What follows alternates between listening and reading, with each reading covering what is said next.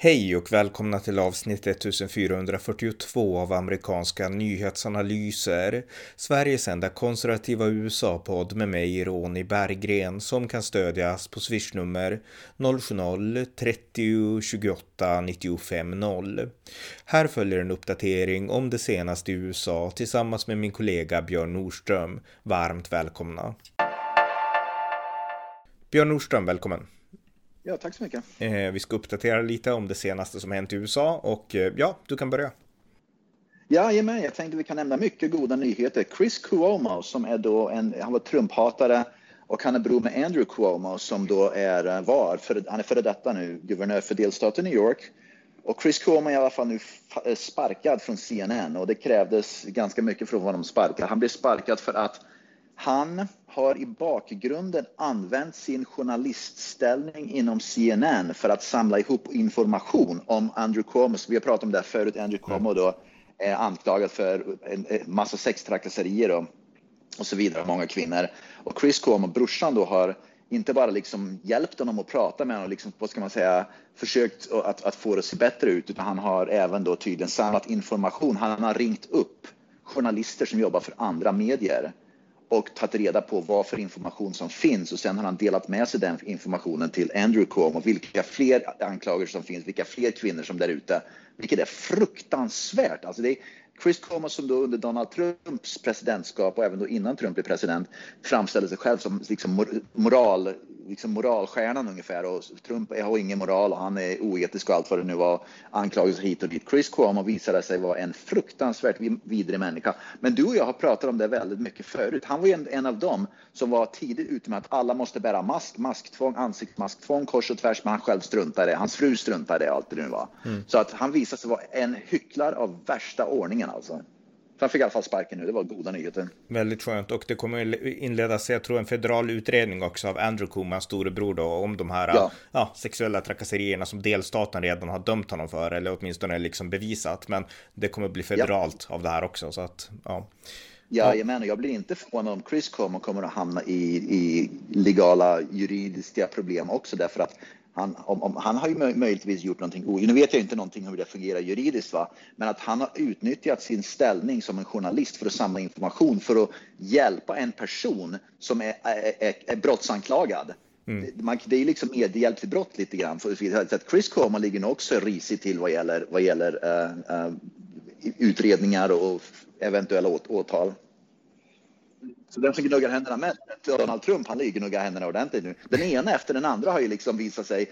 Först Andrew Cuomo, Chris Cuomo, jag tror jag missade ett par stycken, jag, vet, jag kommer inte ihåg, men det är flera stycken andra som också har gått åt skogen för efter, efter att Biden blev president, som då hatar Trump. Och vi kan säga att det här blir slutet på en dynasti nästan, därför att de hade ju en pappa som hette Mario Cuomo som var guvernör på ja. 80-talet eller 70-talet och han, ja, de hade ju alla, all potential i världen att föra hans arv vidare, men det känns som att nu kommer det ta lång tid innan en Cuomo kommer att bli liksom guvernör i New York igen, känns det som. Ja visst, och jag, jag, vet ju inte mycket om Mario Cuomo faktiskt, men och jag vet inte om han var korrupt eller inte korrupt eller ärlig eller hycklare. Jag, jag vet inte något sånt, men, men jag, jag är inte Normalt så är liksom sådana här beteenden en del av en familj. Va? Så att inte, mm. jag skulle inte bli förvånad om, en, om, om Mario Cuomo, pappan, var en liten fufflare med. Det, jag skulle inte bli förvånad därför att båda barnen visar sig vara riktiga fufflar och, och, och kriminella i princip. Så att det här, jag skulle inte bli förvånad om pappan också var inblandad i skit som kanske inte bevisades eller att det helt enkelt var Uh, det var ingen som brydde sig så mycket på den tiden. Det var 70-tal, 80-tal vad det nu var. Uh, och då var det liksom maffian i USA, i, i, New York och allting. Det var, det var, de hade större fiskar att liksom sätta åt. Ja, verkligen. Eh, ja, något annat? Ja, vi har ju pratat om det här smash and grab som då har skett runt om i USA, framförallt i Kalifornien, där stora organiserade grupper då bara ränner, rusar in i, stor, i affärer mm. och liksom plundrar affärer bokstavligen. Va? Alexandra Ocasio-Cortez, hon visar ju fullständigt verklighets, vad ska man säga, verklighets uh, förvirrad. Mm. Frånvaro, ja precis. Hon har nu hävdat att det här stämmer inte alls. Det, det, här, det som rapporteras av affärerna att det är smash and grabs, det existerar egentligen Det finns ingen data eller inga bevis att det existerar. Va? Så hon förnekar det där. Det är helt alltså, det, det är brutalt. Hon, med andra ord, hon, hon, hon ja, det, det, finns inte, men hon påstår att affärerna som blir utsatta för det där ljuger helt enkelt. Även om det finns på kameror och det finns videos och polis är inblandade och så vidare. Va? Hon förnekar det. Va? Och man blir helt chockad. Det här ska då vara en, en, hög, en av USAs högsta politiker, en, liksom en, stjärn, en stjärnpolitiker i vänsterleden, va? som förnekar att de här verkliga brotten faktiskt existerar. Ja, nej visst. Nej, men det, det finns många som är, som är exakt sådana helt frånvarande. Ja, eh, något mer? Ja, jag såg idag att Joe Biden, han ville då, i USA finns det ju uh, inga, för, det finns lekskolor men det finns inga skolor då som är, vad ska man säga, det, organiserade skolor av federala, skolor i USA organiseras av delstater och kommuner, inte federala myndigheter bara som en sidogrej. Men det finns många delstater och många kommuner har inga skolor eller, lek, eller för barn som är under då 5-6 år, med andra ord de kallar för dagis. preschools. Det är barn med mm. 3-4, dagis, precis. Utan dagis är i privat regi här, så är det bara. Men i alla fall, Biden vill ändra på det nu. Och jag tror det här visar då att Biden förstår, nummer ett, han förstår sig inte på hur skolor organiseras här i USA. Att skolor är ingen federal grej, utan det är delstatligt och kommunal nivå. Och han förstår sig inte på att det är ett, en oerhörd lärarbrist i hela USA. En oerhörd lärarbrist i USA redan nu. Och om han då får igenom, det han vill försöka få igenom att det ska finnas, man ska förstatliga dagisen så måste det anställas minst 40 000 nya lärare i USA, vilket det är en oerhörd lärarbrist redan nu. Och sen många av dagislärarna som redan jobbar inom dagis är inte lärarutbildade. Jag läste någonstans att det måste vara över 100 000 nya lärarutbildade som ska komma ut de närmsta åren. Va? Och det är siffror som, inte liksom, som, som är orimliga, helt orimliga. Va? Mm. Men det visar då att Bidens budget och hans vad ska man säga, föreställning om världen fungerar, liksom, han begriper inte hur verkligen, verkligheten faktiskt fungerar. Han är helt oin, oinsatt i hur dagis struktureras här, hur skolor struktureras, vilka som betalar för det. Om det ska betalas för det, det, det hamnar ju på skattepeng, skattebetalarna. Alltså skatterna måste ju gå upp enormt mycket för att det ska kunna betalas. Va? Men att få så många lärare, att bli, människor att vilja bli lärare, är omöjligt i USA, såvida man inte gör drastiska åtgärder, till exempel dubbla lönerna eller något sånt där, vad som är oerhört, det är ju liksom, och då är helt plötsligt så är det ju, vad ska man säga, um, finansiellt omöjligt att genomföra. Va? Men Biden begriper sig inte på att det han föreslår och vill ha, det är omöjlighet att införa. Mm, just det. Mm. Ja, fortsätt. Um, ja, just ja, det var en... Uh, vi har pratat om det här lite grann förut också, att i att uh, det, här, det här transgender då, vad heter det, könsbytare då, biologiska män ska få tävla mot kvinnor i alla fall. Men det finns ett intressant fall nu i West Virginia, uppe, tydligen uppe i domstol, en federal domstol i West Virginia, där helt enkelt uh, där, där några stämmer då att, man, att biologiska män inte ska få tävla mot biologiska kvinnor, även om de har könsbytare. Va? Och tydligen så är det en, en Uh, en kvinnlig, en biologisk kvinnlig fotbollsspelare, soccerplay, fotbollsspelare nu som ska, som ska kunna vittna om det där. Så poängen med det är att hon går upp och vittnar om det precis det du och jag, hon ska alltså, hon, hon är ett huvudvittne i ämnet, i, i ärendet, mm. i fallet.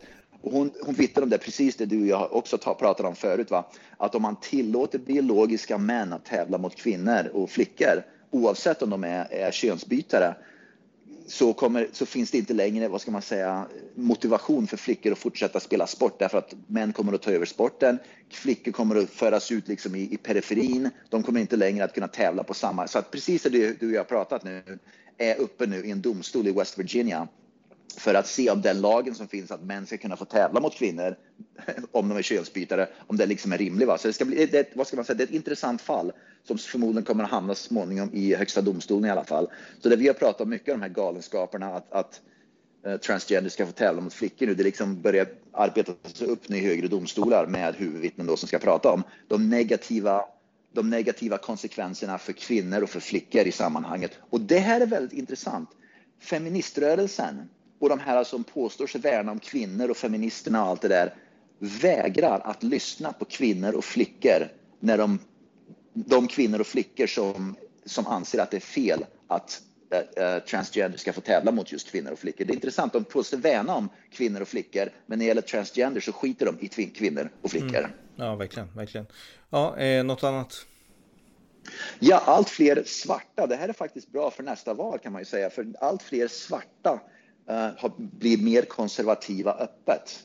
Uh, man tänker på konservativa i USA, då ser, då ser man sig framför sig ofta en, en vit person ungefär. Mm. Men allt fler svarta börjar bli väldigt obekväma. Jag tror vi nämnde det i förra podden med, börjar bli mer och mer obekväma med liksom vänstergrejerna och liksom att, att och, och demokraterna. Va? Så att allt fler svarta, jag läste några intressanta en intressant artikel att, att allt fler svarta börjar öppet nu gå ut med att vi är konservativa och vi kan inte, demokraterna har liksom blivit, har, är, går emot det vi tror på, men vi, röstar, vi har röstat på dem förut därför att det är det vi förväntade att göra, va? men att vi tänker inte göra det längre. Va? Så man börjar se, jag vill inte kalla det för en, en revolution, men man börjar se, vad ska man säga, att, att det börjar, vad ska man säga, eh, bubbla bland de svarta, bland svarta väljare. Att många, många svarta och, och latinamerikaner i USA är faktiskt konservativa i grunden, betydligt mer så än vita faktiskt. Mm. Men de har liksom, Eh, många röstar tyvärr faller för det här grupptrycket. Är du svart ska du rösta Demokraterna, är du latinamerikan ska du rösta för Demokraterna. Va?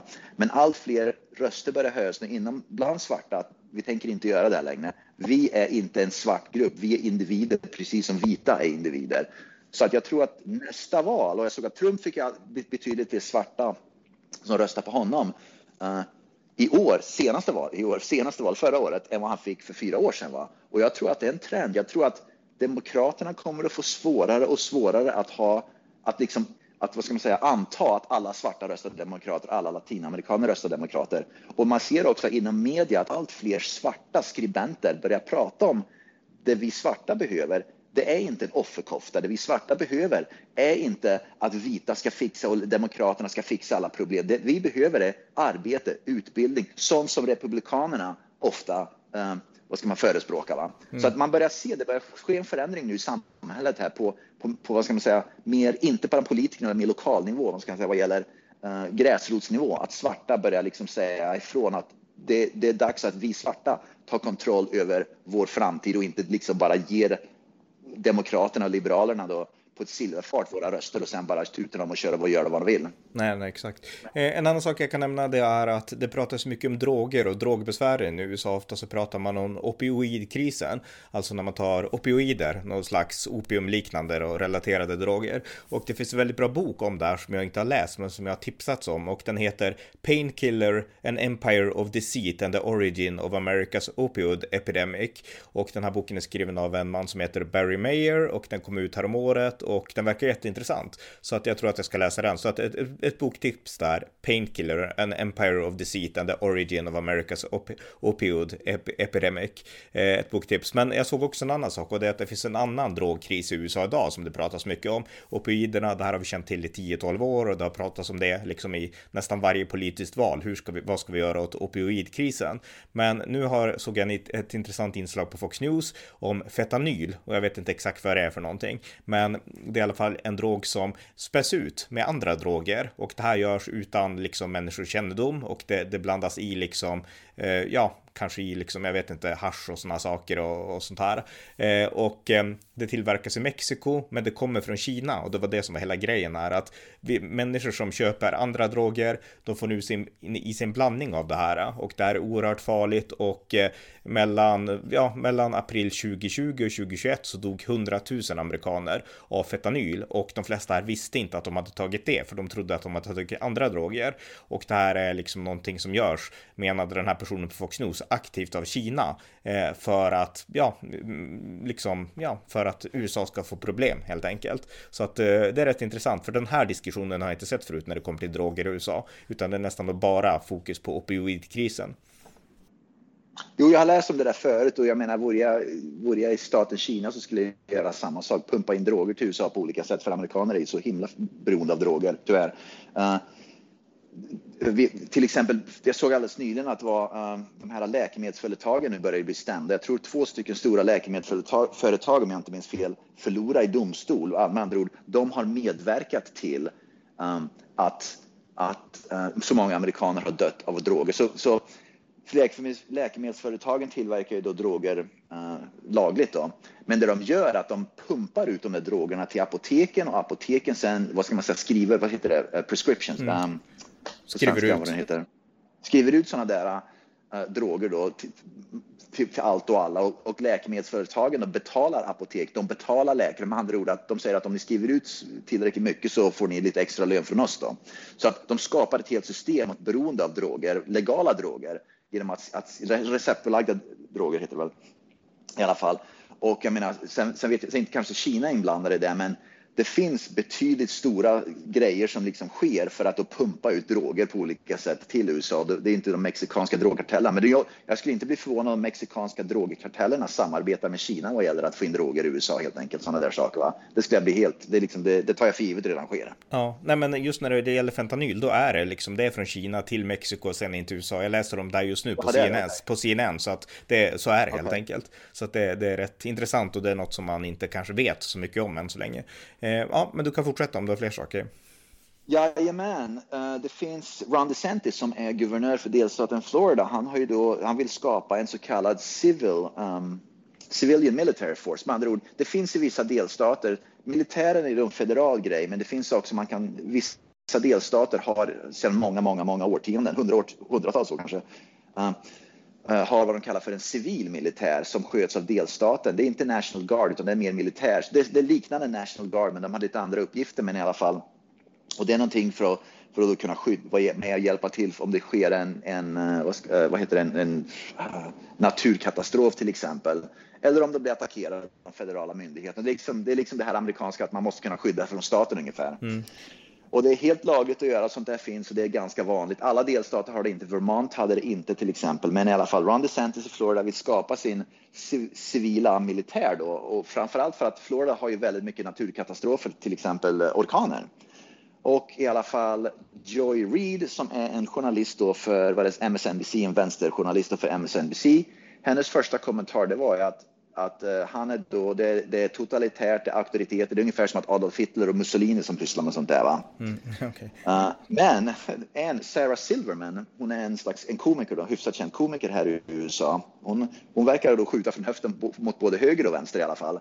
Men hon i alla fall en känd, hyfsad kändis här, tog ton i alla fall och sa att det här är liksom att att gå ut och kalla, att, att en delstat vill skapa en militär institution för att kunna hjälpa vid naturkatastrofer. Att kalla det för auktoritärt och ungefär för, för Adolf Hitler ungefär. Att det, det är fruktansvärt vidrigt för journalister att sjunka till den nivån. Va? Mm. Så att med andra ord, man ser hur vänstern håller på precis här. Så fort en republikansk guvernör vill göra någonting för att kunna vad ska man säga, göra det bättre för befolkningen när det sker någonting, en naturkatastrof, då går vänstern ut och Hitlerförklarar. Men, men tack och lov så finns det i alla fall några kändisar som vågar gå ut och, liksom, och, och, och kritisera de personerna i, i media som håller på sådär. Mm. Och du har helt rätt, alltså självklart har delstater rätt att göra det här. Sen finns det också nationalgardet, men vi kan säga att nationalgardet i USA, det styrs av delstaterna, men inte enbart av ja. delstaterna. Jag vet inte om det finansieras också av, lite grann i alla fall, av liksom State Department, eller av försvarsdepartementet eller något sånt där. Men det är liksom inte total kontroll av delstaten, även om delstaten har väldigt mycket kontroll. Jag tror i alla fall att det är så. Det kanske skiljer sig också från delstat till delstat. Vet du det? Uh, det vet jag faktiskt inte. Nej. Men det är väl att reda på. Inte? Ja, ja okej, okay. något annat? Ja, um, jag såg att en ny uh, opinionsundersökning kom ut nu. Inflationen här i USA, var den uppe i 6,2 procent eller vad det nu är. Den, den är ganska kraftig hälften av den amerikanska befolkningen nu börjar känna av kraftigt, börjar känna av eh, inflationen, med andra ord att man börjar få det sämre ställt. Så 50 procent av befolkningen börjar få det sämre ställt och naturligtvis har ju det att göra med den 50 procent av befolkningen som har lägst löner. Med andra ord precis samma grupper som Joe Biden och Demokraterna påstår sig värna om, att de vill skydda medelklassen, de, liksom de, de mer fattiga de utsatta och så vidare. och så vidare. Va? Det är precis de som börjar få det betydligt sämre ställt nu under Demokraterna och Joe Biden. Så det här skitsnacket om att de ska värna om de personerna, det är bara, det är liksom, det, det, det är bara skitsnack alltså, för det gör de ju inte. För att det finns ju saker eh, federala myndigheter kan göra för att jag menar, bensinpriserna måste ner för att fattiga personer och medelklassen har inte råd att köpa de här svindyra Tesla-bilarna. Vi måste köpa bensinbilar och vi måste köpa bensin. Mm. Men den bensinpriserna går upp, matpriserna går upp, sådana grejer går upp. Va? Och de som straffas är precis samma personer som Demokraterna påstår sig är deras liksom, väljare, va? deras ja, kärngrupp. Mm, ja. ja, fortsätt om du har något mer.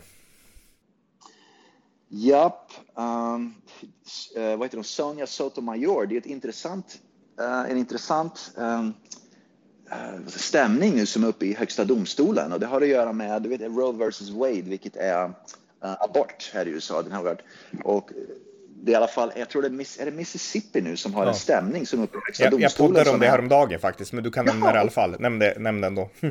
Vad tror jag, är det, fem, är det 15 veckor? Ja, gränsen 50, går precis. Mm. Precis, okej. Okay. I alla fall. Uh, men Sonia Sotomayor gjorde ett uttalande som jag, jag, som jag till och med jag tycker är lite ganska konstigt. Va? Hon sa att, att bebisar som ligger i magen är hjärn, ska jämföras med hjärndöda människor. Med andra ord att en bebis i magen är hjärndöd och har liksom ingen hjärnfunktion.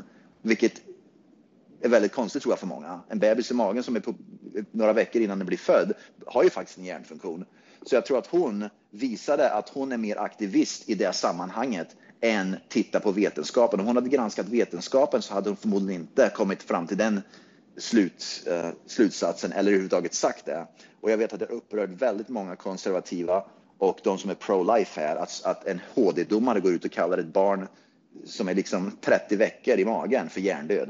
Så att hon, hon sköt sig själv foten ja, ganska kraftigt. Verkligen. Hon sa så här att uh, there are spontaneous acts by dead brain people, so I don't think that a response by fetus necessarily proves that there's a sensation of pain or that there's consciousness, sa hon. Så att, uh, ja, ja just det. precis, precis. Ja. Precis, och jag är inte säker på att hon vet om vad fakta är i sammanhanget eller forskningen liksom vad verkligheten är, utan det visar att det, det, är, en, det är ett aktivistiskt uttalande. Va? Så att tyvärr så förstörs sådana uttalanden för Högsta domstolen, anseendet för Högsta domstolen, därför att det, det, det är ett aktivistuttalande till mångt och mycket. Mm, och, eh, men, men som sagt, alltså det är en konservativ majoritet. Hon är liberal, ska vi påpeka, Sonja Sotomayor, ja, och det är en konservativ majoritet i HD, så att eh, sannolikheten är stor att den här lagen från i Mississippi upprätthålls, alltså att de får förbjuda aborter efter vecka 15 och beslutet kommer att komma till sommaren, sommaren 2022. Efter det så tror man också att man kan börja diskutera Roe vs Wade, alltså den här federala, det här federala beslutet beslutet som ändå upprätthåller rätten till aborter. Och jag kan bara inflika så här att det är intressanta för att jag har fått diskutera det här med många på sidan om de senaste dagarna, aborter och USA, vad ska hända nu och så. Och eh, min, min syn är helt enkelt att de här HD-besluten, de kan ju fattas ett nytt beslut nästa generation, då tolkar man något annat. Men om man vill ha ett definitivt svar på frågan om aborter i USA, då är det konstitutionstillägg man måste få till, precis som man gjorde med slaveriet ja. och liknande, som antingen förbjuder eller legaliserar aborter. Men för att ett sånt ska komma till, då krävs det enhet bland delstaterna och bland folket och den finns ju inte idag alls. Så att jag menar, det här kommer inte lösas i vår livstid definitivt. Precis, det, ja. det, det, kommer fortsätta bråka. Det som oroar mig, det är flera, jag kommer inte ihåg ett namn just nu, men du kan googla upp det här. Flera demokratiska demokrater, politiker har gått ut och sagt om Mississippi lagen går igenom, andra ord, att, att om, om, de, om, om konservativa i Mississippi får som de vill och om man börjar, vad ska man säga, gå vidare med Roe versus Wade, så kommer det bli en, en, revolution, en våldsam revolution i USA. Med andra ord att demokratiska politiker går nu ut och, och börjar vad ska man säga, hetsa på och säga att om HD gör någonting, någon förändring med Roe versus Wade så måste vi gå ut och göra en våldsam revolution på gatan, med andra ord bruka våld. Mm. Och det här är intressant därför att nummer ett, så fort Donald Trump gjorde någonting eller sa någonting så började Demokraterna gapa om att han uppmanar till revolution, han uppmanar till, till våld, han uppmanar till si och så. Va? Men när Demokraterna själva går ut och bokstavligen uppmanar till våld och våldsam revolution och våldsamma upplopp, då är det helt okej okay, därför att då är det deras sida som har rätt. De, de, det är på något sätt som att har de rätt i sin egen moral som de tycker, då är det okej okay att göra våldsam revolution oavsett vad lagen säger eller vad som är rätt och fel. Men det är skrämmande i alla fall att, att de går ut nu och säger redan nu, flera månader i förväg, vad som kan ske, att om det här sker, ut på gator och torg, börja ta, liksom begå våldsamheter mm. över det här. Ja, men det, det, är så vi har sett att de har betett sig, så att eh, inte oväntat direkt. Eh, ja, ja, har vi något annat? Jajamän, det var en skolskjutning här i USA, i Michigan, i Oxford, Michigan, för, var det för någon vecka sedan drygt bara. Mm. Det var fyra elever tror jag som dog och en lärare eller något sånt där. Det var fruktansvärt. Va? Och det här ska bli intressant i alla fall. Det, det första gången som en, och det var en elev som sköt, jag tror han är 16-17 år eller något där. 15-åring. Det är första gången, 15 år, förlåt. Mm. Okay. Det är i alla fall första gången som någon kommer att stämmas för terrorism. Så han, han kommer att åtalas för terrorism för det här. Man anser att det, det är terrorbrott. Och det är första gången som en skolskjutare, um, här som jag vet, det kanske funnits förr, men jag vet inte, jag har inte hört talas om det i alla fall, uh, stämts för terrorism. Och det andra är att Föräldrarna är också nu åtalade för medhjälp till terrorism därför att tydligen har de ehm, um, hjälpte dem till att fixa vapnet åt pojken. Så det här är ett helt nytt typ av fall där det inte bara där det var planlagt, där det tydligen även föräldrarna var med och föräldrarna hade tydligen varit och träffat eh, lärarna och, och var rektorn på skolan bara några timmar innan. Va? Så att de hade tydligen varit med och planerat och, och, och, och hållit på att skaffa vapen åt dem och så vidare. Va? Så att det här är liksom ett helt annat typ av skolskjutningsfall än det vi har sett tidigare i alla fall. Mm. Det, det, är liksom det är lite otäckt faktiskt. Ja, det är det. Jag har, följt, jag, jag, jag, har följt det här och det intressanta är att eh, vi vet ju inte exakt vilken skuld föräldrarna har, men de köpte ett vapen tidigare, de ignorerade skolans varningar och de, de kommer bli åtalade för passiv medhjälp, alltså inte att de aktivt... Men, ja, så var det. Ja, precis. Så att, men, men ändå, det, det är helt nytt. Det här är banbrytande, för oftast blir inte föräldrarna inblandade om liksom ett barn har gjort något sånt här, utan oftast lever de i helt total ovisshet. Och här verkar de ha varit väldigt ignoranta, så att det ska bli jätteintressant att se hur det här utreds.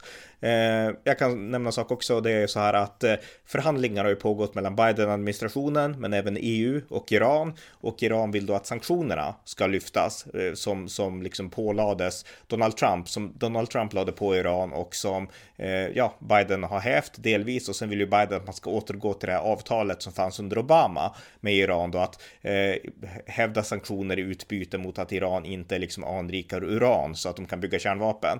Men Iran kräver nu att att i de här förhandlingarna som har pågått, jag tror att det är i Italien, att exakt alla sanktioner mot Iran, inte bara det som har med nuclear agreement att göra, utan alla sanktioner ska hävas eh, för att Iran ska samarbeta. Och eh, de kräver alltså e, en mjukare syn från väst än vad Obama hade. Och eh, det, det, här är någonting som har chockat. Både EU och USA har tyckt att det här är liksom, ni, kräver, ni kör en väldigt hård linje nu i Iran. Och eh, väst börjar nu inse att det här är, det går inte våran väg. Och Israels, eh, Israel har en konservativ regering nu, eh, inte Benjamin Netanyahu, men deras eh, försvarsminister Benny Gantz, han kommer att resa till till USA och man kommer att vädja till Biden-administrationen att antingen eh, ja, utföra militära operationer mot Iran på grund av det här eller att ge Israel stöd att liksom göra operationer mot Iran undercover. Därför att det här är, alltså Iran verkar vilja skaffa kärnvapen. Det är väl det som är Israels inställning. Så att Iran har helt plötsligt hamnat högst upp på toppagendan. Och eh, Biden, han har ju önskat att liksom vi ska samarbeta med Iran. Han, alltså, han har försökt driva en mjukare linje och den verkar totalt ha kraschat. Det är det här vi har pratat om redan för ett år och två år sedan, att när, när, innan till och med Biden blev president under valkampanjen. Det är att länder som Nordkorea, Kina, Iran, Ryssland och så vidare, de kommer ju tuffa till sig rejält under Biden, för Biden är en mes, han är förvirrad, han vet inte vad han gör och han är feg och han är för mjuk och han har den här svenska, vad ska man säga, inställningen att alla människor är goda. Iran måste vara goda, Nordkorea måste vara goda ungefär. Och, och, Iran begriper ju sånt där, va? så de kommer ju trycka på det de kan. Va? Och jag tror Europa också, att någon gång så måste även Europa börja tuffa till sig mot, mot både de ena och de andra, vare sig islamismen eller Iran eller vad det nu är, eller Nordkorea. Va? För att det, liksom, det, är inte, det är inte, vad ska man säga, um, det håller inte i längden att hålla på med det här, att mesa runt med de där länderna eller med de typerna av ideologierna helt enkelt. Vi måste sätta ner foten någon gång. Men jag tvivlar på att Biden kan göra det. Nej, nej, nej visst. Eh, ja, har du något annat? Jajamän, det här på tal om smash and grabs by the way, smash grab.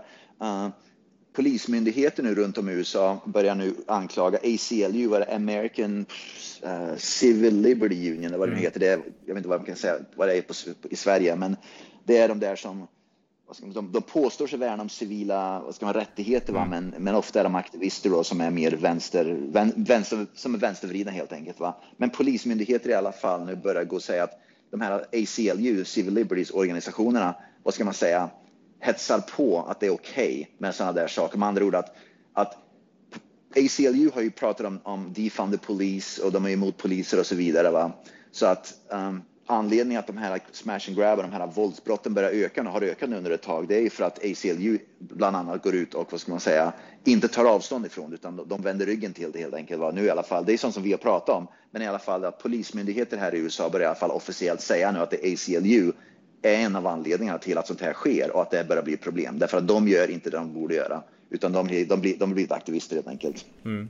Jag kan också nämna att eh, den republikanska politikern Bob Dole dött. Han dog idag, bara för en stund sedan. Och det här är ju en ikonisk republikansk politiker. Han var republikanernas presidentkandidat 1996 och han var en yep. veteran från andra världskriget, vilket är ju inte så många som, som, som finns kvar längre som var. Och eh, han, eh, ja, han var 98 år gammal. Hans fru Elisabeth Dole, hon kandiderade i presidentvalet år 2000 kan sägas. Jag nämner henne i min bok George W. Bush och amerikanska presidentvalet år 2000. Men nu har Bob Dole dött i alla fall och eh, det kommer säkert att pratas massvis om det i USA idag skulle jag tro. Ja, det är huvudnyheter i media just nu. Just det. Mm. Ja, har vi något annat? Ja, det, det är ett intressant rättsfall. Så Kyle Rittenhouse, han blev ju då frikänd på alla punkter eftersom han gjorde självförsvar. Och det är ett intressant rättsfall nu som ska komma upp här i Arizona, faktiskt här i Phoenix. Uh, det skedde bara för några dagar sedan, inte rättsfallet, utan det var en person som sköt ihjäl en annan person bokstavligen på gatan. Uh, de åkte tydligen bilar, de åkte på en bil på gator och så blev de förbannade på varandra på det här road, det här road rage då, som mm. kallas här. Och i alla fall, en person gick ur bilen obeväpnad men sprang fram mot den andra personen mot den andra personens bil helt enkelt. Va? Och den andra personen som fortfarande satt kvar i bilen drog ut sitt vapen och sköt ihjäl den, den personen som kom springande. Va?